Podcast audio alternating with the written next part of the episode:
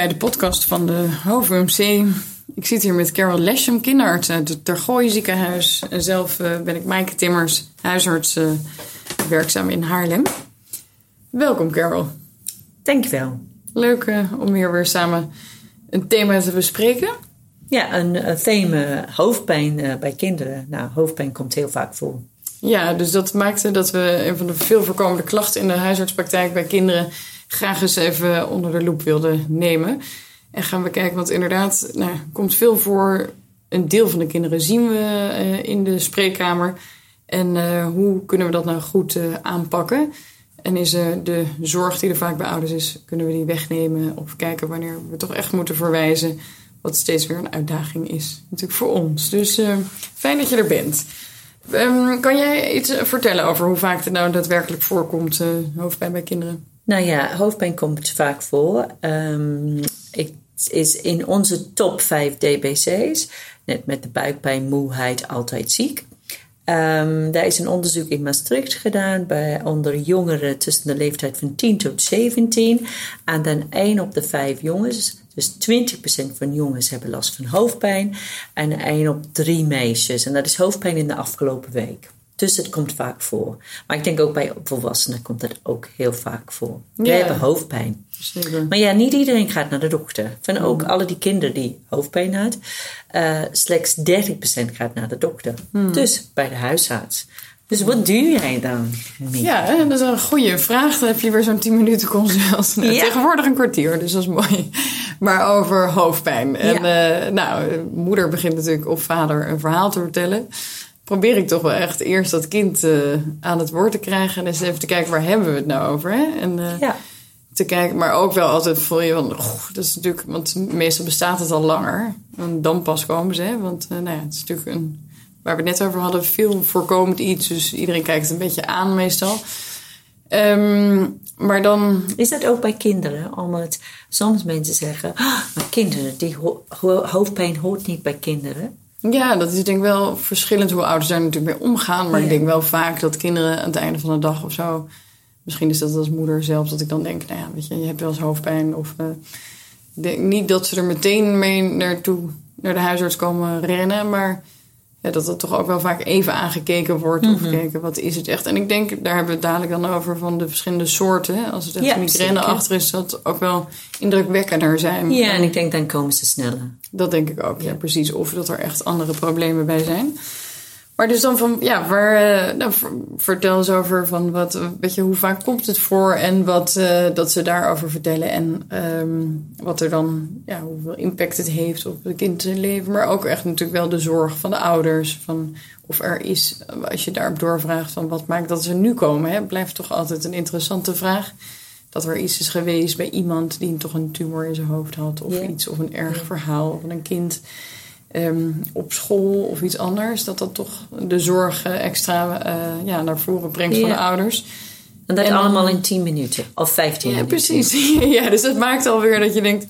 Hmm, oké, okay. maar dat, ja, ik vind het toch wel goed te bedenken van... oké, okay, dit is echt iets wat je in meerdere consulten gaat doen. Dus net als de buikpijn waar we eerder over spraken... Ja. van de tijd heb je dan misschien niet op de dag... maar dat kan je uiteen gaan zetten en met als doel gewoon eerst maar eens helder te krijgen van wat is het nou, maar ook wat is de zorg erbij en de impact. En hoeveel last het kind heeft, denk ik, op het functioneren van het kind is ook ja. uh, heel belangrijk. Ja. En vaak gaat het toch in je hoofd wel snel vanuit. Het zal wel iets van spanningshoofdpijn Weet je, zo'n snelle, maar daar toch ook weer uit te blijven en dan te kijken, maar wat is daar dan voor nodig? Dus nou, ik ben benieuwd wat je daarover uh, nou, aanvullen. Ja, anamnese natuurlijk is heel belangrijk. En uh, ik werk heel veel met red flags. Daar komen we straks op terug. Maar ik denk, uh, ik wilde even twee dingetjes even melden. Dat heel belangrijk zijn. Is dat kinderen met hoofdpijn hebben wel uit onderzoek verminderd kwaliteit van leven. Vergelijk mm -hmm. met gezonde leeftijdsgenoten. Maar ook vergelijken met kinderen met astma en ADHD vond dat wel uh, mm -hmm. ja, opvallend eigenlijk. Dat het echt wel impact heeft. Ja. Dus het heeft impact. En ook natuurlijk uh, bij de kindergeneeskunde zien wij de tip of the iceberg. Dus die zijn de kinderen die echt vaak effect op functioneren of er heel veel onrust uh, is. Um, ik denk als huisarts, als kinderarts en ouders zijn altijd bang dat er iets ernstig in het hoofd Uh, dat moeten we niet missen natuurlijk. En tumor is altijd bedacht. Maar dat komt, uh, intracraniaal pathology is 3 op de 1000. Ja, 3000. Dus echt Mhm. punt 3 procent. Dus af en toe zou dat wel zijn. Mhm. Maar dat komt niet vaak voor. Nee, nee. En met een heel goede anamnese op zoek naar red flags kom je heel ver. Dus Ja. niet iedereen moet doorverwezen voor een scan. Nee, nee, nee, nee. nee. Oh, nou, precies. Maar dat het maar eventjes op tafel ligt, dat die angst er is, is wel natuurlijk altijd, blijft gewoon belangrijk. En dan weer te kijken van waar hebben we het nou over en ja, wat, eh, wat zijn de, inderdaad de alarmsymptomen. Ja. En, Nou, we gaan het met name over chronisch hoofdpijn hebben. Ja. Over een kind met echt acuut hoofdpijn. Of acuut ernstig hoofdpijn. Dat is eh, spoedeisende hulpwerk. Maar dit is echt chronisch hoofdpijn. En per definitie chronisch hoofdpijn is als je hoofdpijn meer dan drie maanden heeft. Of eh 15 dagen per maand. Dus... En dat zeg je ook, hè? dat mensen komen vaak als ze hebben een beetje aangekeken. Dus vaak een tijdje aan de gang. Precies, en dan hoe lang bestaat dat? Nee, precies. Het is echt acute problematiek, die presenteert zich weer anders. Precies. En dit zijn juist vaak de dingen die wij zelf als huisarts kunnen oplossen, maar toch ja, in het consult nog wel wat aandacht vragen om daar gewoon goed mee om te gaan. En eh, dus over die anamnese. Precies, maar weet je wat het is? Is in een anamnese op zoek naar eh, ehm, red flags, omdat we hebben twee typen van hoofdpijn. Je hebt primair en secundair. Dus secundair is een uiting dat er iets intercraniaal is. Eh, bijvoorbeeld een tumor, een bloeding, verhoogd druk, whatever. Daar gaan we het vandaag niet over hebben, om die vis je uit met je red flags. Dat is een andere verhaal. Maar het gaat over de primaire hoofdpijn. Uh, die zien jullie en ik heel veel in de spreekkamer. En we hebben het over spannings, uh, hoofdpijn, tension type, headache, wat je wil het noemen. Beide zijn slecht namen, maar die zijn de namen we hebben. En de andere categorie is migraine. En migraine komt bij kinderen voor, ook bij jonge kinderen. Vaak men denkt, ja, maar die kan geen migraine he- hebben. Die is maar zes, maar het kan wel. Ja, precies. En daarnaast is er natuurlijk nog de medicatie geïnduceerde hoofdpijn. Hè? Als Klopt. Net als bij volwassenen heb je de medicatie-induced hoofdpijn. Dus ik denk ook als huisarts heb je ook een heel belangrijk rol daarin. Om jullie zien de patiënten ja, vaak voor dat ze heel lang bezig echt over hoeveel paracetamol of andere uh, pijnstillingen dat ze gebruiken en waarschuwen. Dat, uh, dat kan je hoofdpijn erger maken. Ja, ja, precies. En dan dus de vraag van hoe onderscheid je goed? Want die spanningshoofdpijn, dat kennen we natuurlijk ook van de... Ja, hetzelfde eigenlijk als bij volwassenen. Het verschil tussen die spanningshoofdpijn en die migraine. En ehm, omdat er soms wel overlap is, hè. Maar, eh, en het goed te weten dat je toch kinderen ook echt al migraine kunnen hebben. Maar ja, wat, eh, wat je dan echt voor verschillende uitingen hebt. Ja, dat, dat klopt. Dus als we met migraine beginnen, omdat dat is echt eh, heel karakteristisch. Dat is echt aanvalsgewijs. Ehm, en die kinderen, eh, die hebben echt hoofdpijn. Dat ze kunnen gewoon niks meer. Ze willen echt met rust gelaten. eh, geen eh, geluid, geen Prikkels. prikkels.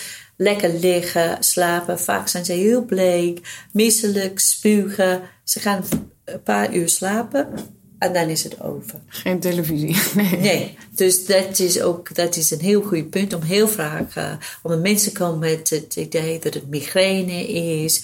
En dan vraag ik, oké, anamnese weer, um, het verhaal. En wat doe je als je hoofdpijn hebt? Nou, als je hoofdpijn hebt en je gaat series kijken, dan kan je geen migraine hebben. Die Nee, dat kinderen, verdraag je niet. net als volwassenen, Mhm, denk ja. ik, die zijn, je bent echt van slag Ja, uh, ja. daarmee. Kinderen hebben vaker korte aanvallen dan, Mhm, dat dan volwassenen. Um, maar ze kunnen een beetje groggy of niet helemaal zichzelf voor één tot twee dagen daarna. Maar echt dat acute hoofdpijn, spugen, dat is vaak korter. Ja, en dan ook bijvoorbeeld van school opgehaald worden of zoiets. Ja, hè? Precies. gewoon echt niet en gaat. ook echt slapen, omdat ze, dat, uh, kinderen gaan niet heel snel echt overdag uit, uit zichzelf slapen. Dat ze niks wil slapen en dan voelen ze beter. Ja, en dan lost het ook snel alweer op daarmee. Hè? Dan Ja. gaat de aanval snel over. ja, Ja. precies. Precies. En de spanningshoofdpijn. En de dan? spanningshoofdpijn, nou, dat is heel, dat is echt uh, uh, soms moeilijk anamnestisch van het kind zelf te krijgen, omdat je willen weten hoe voelt het, wanneer heb je dat. En die zijn echt veel moeilijke vragen voor kinderen. Uh, dus uh, een trucje is, je kan een kind, uh, met name schoolgaande kind, ik denk pubers zal het niks vinden, um, laten tekenen hoe Ja, dat, dat hoofdpijn eh, voelt. Dus echt, dat is deze onderzoek ook gedaan, dat kinderen met migraine, die gaat een beetje bliksem eh, tekenen. En eh, als je spanningsoverpijn met een bandje of zelfs een hamer. Mhm. Dus eh, als je denkt, oh god, ik heb maar tien minuten aan mijn verhaal komt Ja. eruit, laat het kind Nou ja, iets of- tekenen. Precies, ofwel eens dat je denkt, hoe krijg ik dit kind in beweging? Hè? Want je wilt het gesprek dan Ja. voeren met het Ja. kind, maar hoe eh, lukt dat? En dat het wel leuk is, inderdaad een leuke tip om dan te kijken van, nou, tekenen is en Ja. natuurlijk kinderen, maar ook volwassenen wat visueel ingesteld kunnen zijn, meer dat dat ook een makkelijkere ingang is. Ja, precies. Dus dat. En ook dan, ik denk dat, eh, kijk je een beetje idee hoeveel, eh, omdat heel vaak, je zei het net, eh, de ouders, ze zijn aan het worden en oh, hoofdpijn is niet normaal, bla bla bla. Maar eigenlijk, eh kind vraagt, god, wat doe je als je hoofdpijn? Ga je naar school of moet mama je komen ophalen? Of als je uit school komt en je hoofdpijn hebt, wat doe je? Ga je gewoon op de bank liggen? Ga je gewoon door? Dat geeft je een goede indruk van hoeveel Ja. last eh, het kind heeft van Ja. hoofdpijn. En hoe lang duurt het ook nog? Hè? We Ja. natuurlijk ook weer door die, eh, daarmee kunnen differentiëren met de migraine. Dat Ja, niet precies. Omdat heel duurt. vaak eh, hebben ze dat gewoon iedere dag. Ja. En dan een tijdje niet, Ja. en dan wel. Ja. En ehm, ze zijn niet s'nachts wakker van het hoofdpijn. Nee, Dat nee. is wel heel belangrijk En punt. nog de, de uitlokkende factoren ook, hè? Dat, eh, Ja, weet je, dat is ook als je komt met eh spanningshoofdpijn, tension type hoofdpijn. Iedereen denkt, ja, maar dat kan niet. Mijn kind heeft geen eh, major life event. Eh, Dat is geen stress, maar het leven is gewoon druk. Veel van kinderen verwacht. Ook Sommige kinderen zijn veel meer gevoelig natuurlijk. eh, als het druk is of de lat hoog liggen voor zichzelf. Ehm, en uiten met lichamelijke klachten. Hetzelfde verhaal als buikpijn eigenlijk. Ja, en precies. ook wat je ziet, hoe je ouders reageren Ja. met eh, stress. Hoe reageren ze ook met lichamelijke klachten. Ja, ja. Dan kan het zo. Dus eigenlijk het eh, natuurlijk een heel compleet anamnese, een beetje idee te krijgen wat gebeurt in het leven eh, op dat moment van het kind. Maar dat hoeft niet een uitlokkende factor te zijn. En in het systeem, inderdaad. Nee, dus Ja. dat is eh, wel echt, ja, waar we het over, daar komen we dadelijk nog wel op van wie kan je daar ook nog voor gebruiken. Hè? Maar als je er toch niet verder in komt, dat je ook dan wel eens kan denken van je praktijkondersteuner. Als je toch denkt van het zit vooral in het systeem, dan kan die daar toch nog iets in bijdragen. Maar daar komen we later nog op. Precies, Maar, ik denk zeker dat is enorm toegevoegd waarde van Ja. huis, uit de huisartspraktijk. Echt uh, laagdrempeligheid, niet iets groot van maken dat je moet naar een psycholoog. Maar PO, um, GGZ Jeugd, dat lijkt mij uh, heel goed. Ja. Ook jullie te ondersteunen, een beetje meer grip op. Precies, Precies maar- wat ja. gebeurt daar. Dus, en ook voor tips voor het kind, het gezin, hoe je misschien uh, Ja. kan een beetje de drukte verminderen. Ja. Dus dat is vooral ook vooral hoe we Dus- ermee omgaan. Maar, en nog de andere uitlokkende Ja, factoren? had nou, ik denk het is altijd belangrijk te vragen over slapen. Ja, Eh, dat is eh, de kwaliteit en de kwantiteit van slaap. Mhm. Dus eh, hoe laat ga je naar bed? Kan je makkelijk inslapen? En ben je s'nachts wakker? Et cetera. Dus omdat als je, dat weet je zelf, als je moe bent, dan ja, je hebt snelle hoofdpijn. Ja. Dus eh, slaaphygiëne of slaapanamnese is heel belangrijk. Eh, bij oude kinderen echt ehm, energiedrankjes Ja. bijvoorbeeld. Of koffie, echt cafeïne. al drinken. Ja, precies. Maar ook wel die Red. Bull en andere energiedrankjes. Echt wel, ja, precies. Dus dat is belangrijk te weten. Ja. Nou, dus dat is eigenlijk wel voor de anamnese denk ik wat we allemaal willen weten. Dus vooral, weet je, hoe... ja, precies. En ook in je, in je anamnese heb je red flags uitgevraagd. Die Dus dan dat ja. is echt eh, s s'nachts wakker van Ja. hoofdpijn, acuut ontstaan hoofdpijn. Hoofdpijn dat enorm eh toenemen. Andere klachten daarbij, neurologische problematiek. Verandering in gedrag bijvoorbeeld eh, kan ook een eh, klacht zijn. En ehm, ja, in dit rijtje eh, staat ook hoofdpijn achter in je hoofd. Ja. Ja. en dat Ja. is een beetje, eh, daar is een recent onderzoek een beetje terug op gekomen. Omdat ook als je helemaal spanning in je spieren hierachter, aanhechtingen, dan kan je ook achter hoofdpijn hebben. Dus je moet het echt differentiëren eh, hoe dat zit. Dus het is niet per se omdat het achter is, maar wat voor type van hoofdpijn. En het is echt meer acute hoofdpijn. ehm, uh, daarmee. En thuisarts heeft dan ook, uh, nou ja, daar kom je eigenlijk, hè, dan heb je de anamnese, maar als je die ook uitgebreider wil en je denkt van, nou, dat gaan we in het volgende consult doen en dan krijg ik meer info van wat is het nou precies, ja. je dat huis, ja. uh, thuisarts.nl ook gewoon een goed heel, heel goede dagboek. informatie, ja, dat klopt, en je dagboek. En een heel belangrijke is ook de leeftijd van het kind. en dat staat ook in jullie nieuwe NHG-standaard. Kinderen onder de zes met hoofdpijn, bij ons is het onder de vijf, maar jonge kinderen -hmm. met hoofdpijn. Daar moet je echt achter je oor krabben. Klopt dit? -hmm. Is er iets anders aan de hand? En dat, dat is echt een reden voor doorverwijzing. -hmm. Omdat ook bij jonge kinderen het is moeilijk echt uit te vissen. Uh, zijn er red flags of niet? En deze kinderen krijgen veel sneller een uh, MRI. Ja, om toch te zien daar dus echt onder liggen. jong kinderen ja, onder de zes hoofdpijn, ja. doorverwijzen. En plots ontstaan en verder de neurologische... Precies, red flags. En Ja, dat is altijd met die red flags.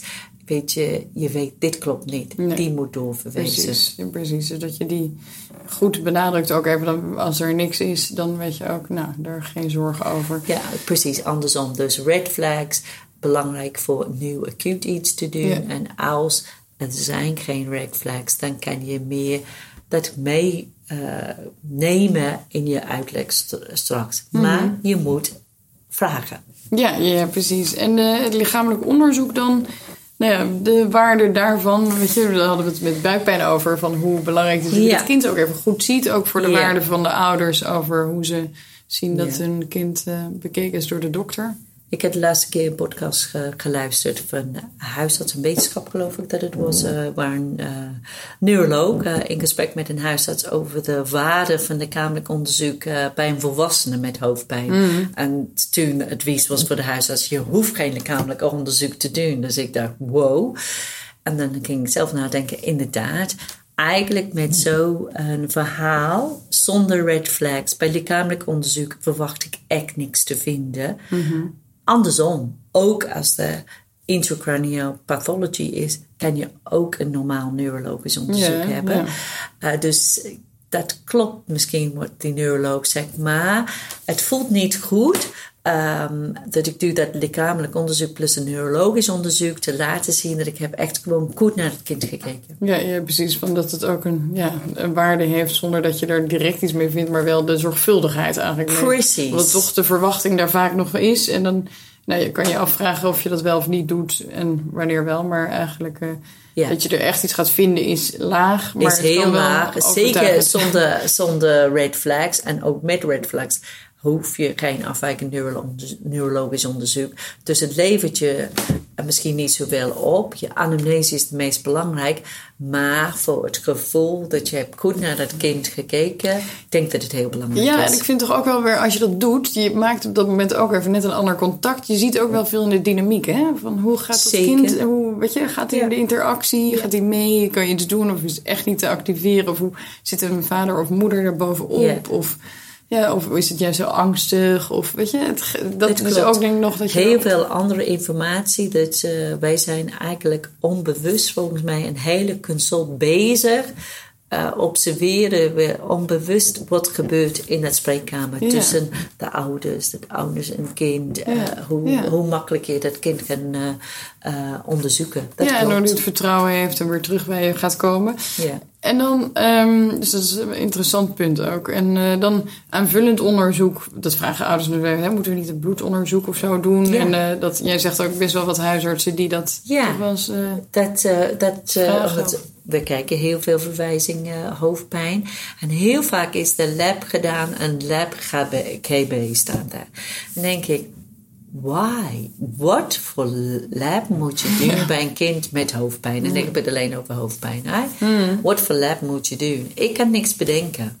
Nee, dus als je goed klinisch redeneert, is echt de vraag van wat wil je dan naar voren halen? En daarbij is wel de vraag van wat is de verwachting ook? Hè? Wat wil iemand dan? Dan ga je het alleen maar bedienen. En ik vind zelf bij kinderen wil ik toch echt wel, nou ja, denk echt wel na of ik bloed laat prikken. Omdat ik het ook nog wel heel wat vind voor een kind om Ja. Uh, geprikt te worden. Vooral als je dus echt er geen verwachting uh, bij hebt. Van Nou, dat je er ik, iets ik, over- ik, ik denk dat je moet voor ieder onderzoek dat je uh, doet, uh, even denken. eh, wat gaat dit me opleveren? Heb ik het nodig of niet? Omdat als je doet voor de zekerheid, soms komt daar van alles wat. En dan moet je, als mijn collega noemt, uh, weg, uh, wegwerken weer. Dus je gaat wegcontroleren, zegt ze Ja, ja, altijd. wegcontroleren. Dus ze heeft iets gevonden dat ze wil niet. En denkt, oh jee, even nog een keer wegcontroleren. Ja, ja, ja. nee, want het Dus- levert dan weer iets op. En dan moet je het nog een keer... Ja, het levert een Precies. soort Dus cascade. echt, eh, en het maakt niet uit waarom een kind komt. En misschien ook bij volwassenen, maar Net daar zo, weet ik ja. Onvoldoende van. van.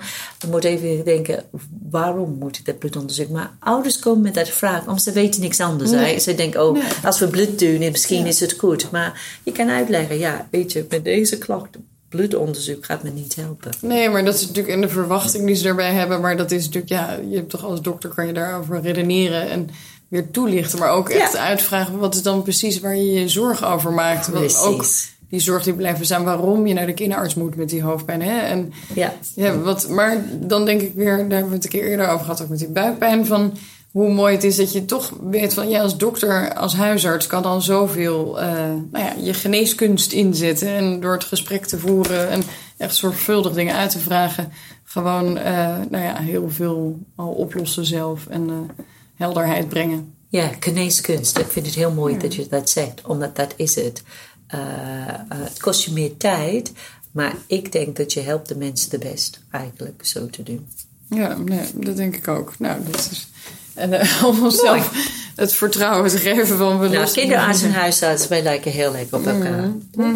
Ja. Nou ja, daar wel denk ik dat je in die context meenemend, ja, gewoon goed naar het kind te Ja. kijken. En te kijken wat is echt de vraag. En, ehm, Maar het ja, lukt jou niet eh, allemaal in één consult, dus dan stuur je hun weg met een Met zo'n- hoofdpijn. ja. pijn, eh, Ja, soms precies voelt het ook wel dat je denkt, nou ga het maar eens bijhouden. Dat je denkt als het al langer bestaat, voelt, maar dat je toch denkt van, nou schrijf eens even op om echt een patroon te kunnen zien. En geef jezelf meer tijd om dan, eh dan komen ze natuurlijk niet altijd terug. Nee. Maar ja, dat, dat dan is het ook de vraag, hoe groot is het probleem? Ja. En eh, dat ze dan toch, ja, dat je nog wat meer ziet over, of hoort over het eh, patroon dat er dan in zit en wat ze zelf. En zij krijgen ook meer inzicht over Ja. wanneer het is en hoe en wat. En wat ik merk is ook, is dat, ook, dat is ook een reden van verwijzing, omdat ze, dan hebben ze hoofdpijn ook eh, in de vakantie. Niet alleen op schooldagen, als Ja. dat een red flag is. Nou, Ja, ja, dat is het niet, maar dat is vaak een, ook een reden voor verwijzing eigenlijk. Het gaat niet weg in rust. Nee, Maar misschien is er dan ook nog geen rust. Kan ook, hè? Ja, exactly.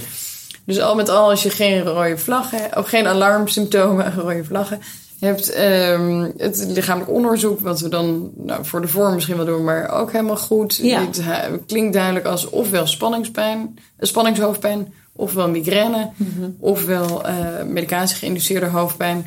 En dan een plan te maken. Of ze zijn teruggekomen op het spreekuur Ja. met hun dag- dagboek en dat het- hebben we dan ja, allemaal bekeken. wat, wat ga jij doen, dokter?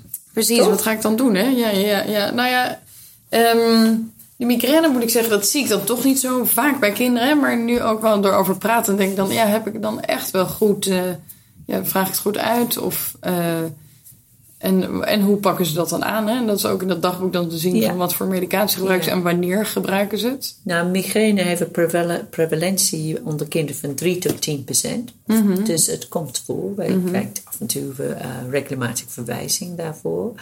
Ehm, en ook bij jongkinderen. Echt, uh, toen ik ook eerst begon, ik wist ook niet dat het kan bij echt zo jong kinderen 5, 6 uh, Mhm. voorkomen. En als het echt een klassiek migraine verhaal, dan een verder prima kind. Heel vaak is dat een positieve familieanamnese natuurlijk. Dan dit is migraine. Je hoeft niks uh, anders te doen. Mhm. Ja, dus die familieanamnese is ook nog echt belangrijk daarin. Ja, dus dan... Ja. Hoeft niet altijd, maar heel vaak is dat wel zo. En ook de moeder, want vaak bij de moeder die herkent het, maar denkt, ja, kan mijn kind van zes, zeven migraine hebben? Ja, antwoord is, uh, Ja. is ja. En bij daar onduidelijkheid over kan je natuurlijk altijd even bellen met jullie om te vragen van... joh, Tuurlijk. weet je, is dit... eh, Tuurlijk, je kan altijd bellen of eh, veel ziekenhuizen nu hebben meekijkconsult. Ja, dus je kan via Solkdomein gewoon je vraag stellen. Ja, precies. Maar dan is het natuurlijk, want paracetamol bij migraine niet zo effectief. Dat je, en bij kinderen niet zo graag... De ene zou je deze eh, voorschrijven voor andere problemen, maar de, voor Ja, weet je, dat, dat is juist eigenlijk vaak het probleem de, met de migraine. Is dat ze uh, onvoldoende pijnstilling en niet snel genoeg. Dus ook als de kinderen een beetje bleek en voelt het aankomen, begin met je pijnstilling. En paracetamol doet niet zoveel met uh, migraine. Dus echt uh, non, uh, NSAID's. Ja, dus um, en ibuprofen is een drankje. Dus ja, dat is precies, makkelijk. Dus en je kan uh, ondansetron tegen misselijkheid. Als de kinderen veel spugen bijvoorbeeld. Ja, en dan ook precies ondansetron die ook bij de dehydratie gewoon echt te gebruiken. Ja. Als die geleverd kan oh, worden. Oh, ja, op dit moment niet geleverd. Maar meestal is dat goed. En de dosering is te vinden in kinderformularen. In het kinderformulier. Dus echt uh, als je mensen wegsturen met de diagnose migraine, dan ook wat ze moeten doen op het moment dat, ze vinden, dat het begint. Met ook de dosis uitgerekend ja, op het gewicht precies. van het dus kind. Op het goede moment. En onze NAG-standaard zegt dan wel de triptanen ook vanaf 12 jaar. Ja. Waarbij, uh, ja, en uh, jullie hebben net een uh, nieuwe standaard van 2021 en inderdaad, daar staat verwijzing onder de 12 als je non-steroidal NSAID of paracetamol niet helpt en de triptanen boven de 12. Maar in kinderformularium is, nou niet heel lang geleden denk ik, is het al geregistreerd, uh, sumatriptan, vanaf leeftijd van 6. Ja, ja, precies. En als je daar maar niet... in de praktijk, ook als ik de verwijzing, hoef ik dat heel weinig te gebruiken. Het is vaak gewoon uitleg weer en op tijd en goed ja. je pijnstillers. Maar natuurlijk bij de migraine is dan natuurlijk ook wel naar voren komt nog de uitlokkende factoren. Hè? Want ook stress kan natuurlijk ook weer migraine geven. Dus daarin is dat Dus eigenlijk komen we altijd weer terug naar live uh, regels. En ja, ik zeg het, dit is wat je moeder zal zeggen. De puber zit daar. Huh? En dat is dat je moet op tijd naar bed gaan. Iedere avond ongeveer dezelfde tijd, op, uh, tijd en dezelfde tijd opstaan. Uh, slaaphygiëne, dus geen beeldscherm. De, een uur of twee uur voordat je gaat slapen. Je telefoon niet mee. Uh, bewegen, ontbijten. Um, ja, dat ja, precies. Maar dat kan met dat dagboek ook echt allemaal meer naar voren komen. Nog van, doe je dat wel genoeg? En hoe, dus in dat plan mee te geven van, voor, ook voor de spanningshoofdpijn. Dus dan eigenlijk ook daar... Ja, precies hetzelfde eigenlijk. Ja, en daar ook de goede uitleg. Want je had van die buikpijn wel echt goede filmpjes ook nog. Weet je, waar dat uitgelegd wordt. Ja, bij spanningshoofdpijn. Is bij, uh, daar is... Uh, ik heb wat informatie... Um, uh, gemaakt. Dus dat staat on, op onze website. Maar, en thuisarts heeft ook goed informatie, maar echt mm -hmm. filmpjes zijn er niet. Mm -hmm. En uh, ja, je moet een beetje kunnen uitleggen waar dat pijn vandaan komt uh, mm. daarmee. En bij je lichamelijk onderzoek ga, ga ik altijd echt lekker in dat nek voelen. Nou, er is heel veel spanning vaak in het nek ook. En het kind gaat, auw!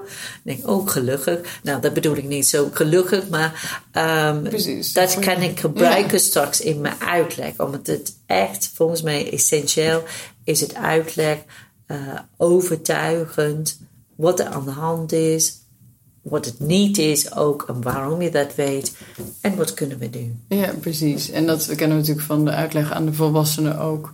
Dus dat is ook niet heel veel anders. Maar wel vind ik ook daarbij, denk ik, veel ouders, veel volwassenen ook wel visueel ingesteld zijn. Dat je gewoon plaatjes van, je hebt hele mooie plaatjes op internet gewoon van spanningshoofdpijn. Yeah. En dan zie je waar die pijn precies gelokaliseerd is. En dat geeft heel vaak mensen meteen eh, goed van, oh ja, ja precies dat heb Klopt, ik. omdat ik, uh, ik leg uit over dit speertje, daar had je pijn in. En over je hoofd zit ook een speertje. Dus je kan voorstellen, als dat samen knijpt, dan heb je dat hoofdpijn. en dan iedereen, ook de ouders, zitten knikken. Oh ja. Precies, oh, en hoe ontspan je dan ook weer? Wat doe je? we, hoe gaan we dat aanpakken? En het gaat met ontspanning. En wat voor vorm helpt voor jou? Uh, nou, hypnotherapie is echt uh, bewezen effectief bij buikpijn. Daar is ook volgens mij één of twee studies uh, hypnotherapie bij hoofdpijn. Maar ik kan ook voorstellen, alles dat je ontspant eigenlijk. Ja, precies. Dus dat gaat ook weer om van hoe hoor je wat past bij het kind. Klopt. En wat hebben ze daarvoor nodig? Moet je het dan medicaliseren met therapie? Of zit er staat van, nou ja, de, zeg maar de onderbouwing is er volgens mij niet heel sterk voor oefentherapie en zo. Maar wel, ja, kijk je natuurlijk gewoon per kind van, kan je een paar keer met een fysio of een Precies. psychosomatisch fysiotherapeut of zo Precies. verder komen. En, of uh, bij, je, bij jouw POA, ja, uh, GGZ-jeugd, weet je niet te medicaliseren zou mijn. Uh, nee, ja. Um, ja, advies zijn. Als Precies, en dat we wel kunnen inzetten van, weet je, ga die, omdat het hele systeem misschien wat nodig heeft. Ja. Hoe een kind te activeren of, Ja, uh, weet dat, precies. of de druk precies. mensen- Het is ook het effect als het wel effect dat je niet meer of je moet eh, gemobiliseerd worden. Ja, je kan gewoon eh, inzetten wat nodig is op dat moment. Ja. En ik denk ook wat is heel belangrijk is dat ook uitleggen, zo doe ik het in ieder geval. Dit is je gevoelige plek. Ja. Dus ook als het, le- als het kan een hele tijd goed gaan, maar als het leven drukker wordt of iets anders gebeurt of hoe wordt of je meer gespannen, of, eh, dan kan het weer terugkomen. Ja, ja, ja, precies. Het komt en gaat en is Het vaak. komt ja, en ja, gaat, ja, ja. ja. En daar krijg je steeds meer ook een groter patroon in natuurlijk bij. Ja. Maar fijn om. Ja, bij de buikpijn is volgens mij wel als je kinderen op jonge leeftijd er echt goed mee helpt, dan blijft er geen prikkelbare darm eh, op la- Dat denk ik. En Ja. Volgens mij dat is ook ergens ja. uitgezocht. En, maar dit zou precies hetzelfde met Ja, hoofdpijn. kan je je voorstellen. Kan ik voorstellen, Ja, ja. ja, ja, ja. Maar hoofdpijn is gewoon. Ik heb ook hoofdpijn. Je hebt ook hoofdpijn. Maar hoe ga je om met je hoofdpijn Precies. eigenlijk? En daar oplossingen voor vinden is natuurlijk wel heel waardevol voor kinderen om aan te leren of te merken dat ze Ja. daar grip op krijgen. En ook even te denken, oh ja, misschien ga ik eh, veel te laat naar bed. Ja, Of eh, ja. Ja. misschien eh, heb ik mijn telefoon bij me en ben ik getriggerd Ja. de hele tijd. Ja. Klein dingetjes. hè. Ja, ja, ja. Nou ja, er wordt ook veel van kinderen gevraagd met alle school en alle dingen die ze moeten. Zeker. Dus, eh, En ook, eh, er zijn ontzettend veel verwijzingen de laatste nou, half jaar eh, voor kinderen met allemaal functioneel klachten. En dat is eigenlijk alle de angst dat nu eh, in de wereld is. Nou, we hebben corona en nu hebben we een oorlog heel dichtbij. Ja, dat heeft een effect eh, Mhm. daarmee. ja, ja, precies. Ja, dus dat doet ook wat. En dat, eh, nou ja, dan, zie jij dat dus ook zelfs echt in toename. Ja, ja, ja. ja. En medicatie geïnduceerde hoofdpijn, hebben we daar nog een specifiek plan voor? Of Nou, ja, weet je, zo- eh, dat is hetzelfde als volwassenen. Ze moeten gewoon stoppen. Ja. En ook echt verwachtingsmanagement. Dat je hoofdpijn gaat erger Erger worden worden. voor een paar weken. Ja, En dan neemt het eh, af. Maar ehm, eigenlijk denk dat, eh, ik hoop dat eh, als ze bij jullie komen, dat echt goed bespreken. En, omdat heel vaak die pijnstillers helpt niet, hè? Nee. maar ze blijven, het- dat Ja. vind ik ook opvallend. vast Maar ze blijven het gewoon nemen. Ja, ja, ja, ja. Dat is de weg van... Dus ik denk dat echt in dat eerste consult bij, bij jullie is ook uitvragen over pijnstillers. Helpt het? Nou, meestal niet. Dan gebruik het niet. Ja, ja, ja, ja. Voordat je komt in die eh, medi- medicatie eh, geïnduceerde hoofdpijn. Ja, ja, Omdat ja. Dat kan heel vervelend zijn eh, als ze moet stoppen en meer hoofdpijn Ja, precies, om dat dan vol te houden. Ja. Nou, ja, een overzichtelijk thema volgens mij de hoofdpijn bij kinderen. Met, dus nou, voor mij eigenlijk wel leerzaam van ja, de migraine ook wel echt anders dan de gewone hoofdpijn. Ja. Maar wel goed te behandelen, vooral snel ook. De lichamelijk onderzoek weer interessant even te bespreken over die waarden. En, maar wel ook beseffend van, ja, daarmee geef je je zorgvuldigheid aan ouders ook aan. Wat, wat de onrust kan wegnemen. En dan goede uitleg en goed inzichtelijk hebben met zo'n dagboek van wat is er, ja, wat is er allemaal gaande in het leven en wat geeft die spanning of wat, wat geeft ook de migraine en hoe daarmee om te gaan. En de medicatie vooral snel nemen bij de migraine. Dus Ja. er niet te lang mee wachten is denk ik ook een heel belangrijk punt. Hè? En geen bloedonderzoek. Nee, en geen onnodig bloedonderzoek. Precies. Ja. Dus ook als de ouders zeggen, ja, zelf een bloedonderzoek. Je kan echt gewoon goed onderbouwen waarom het niet nodig Nee, is. En de andere, daar hebben we het helemaal niet over gehad. Over beeldvorming, vorming, diagnostiek en scan. Dus ik vraag me af altijd ook wat de verwachting is als, de, eh, als de, een doorverwijzing naar de kinderarts. Ze krijgen geen scan. Alleen maar red flags en jonge kinderen. Ehm, dus eh, dat is ook belangrijk, omdat het is niet nodig. En eh, jij hebt het heel mooi eh, benoemd. Het is geneeskunst, dit. Ja, dat je weer gewoon zo'n moeilijk alledaags onderwerp... wat je gewoon heel goed kan aanpakken door ja, een goede uitleg. Luister, good anamnese, Ja. lichamelijk onderzoek. ehm, en dat goed uitleggen. Zodat de mensen dat ook begrijpen. Ook de kinderen begrijpen waar het vandaan komt. Dus een verhaal hebben waarmee ze weer verder kunnen. En probeer niet te veel te medicaliseren met overal verwijzen, psychologen en zo. Nee. Het is niet altijd nodig. Nee, nee. Maar misschien heb je je POH, eh GGZ-jeugd, die is laagdrempelig bij Ja. de huisartspraktijk. Ja, nou mooi. Dank. Was weer een eh, mooie, mooi thema te bespreken. Ja. En eh, bedankt voor je tijd. Nou, graag gedaan. Ik hoop jullie er wat aan hebben.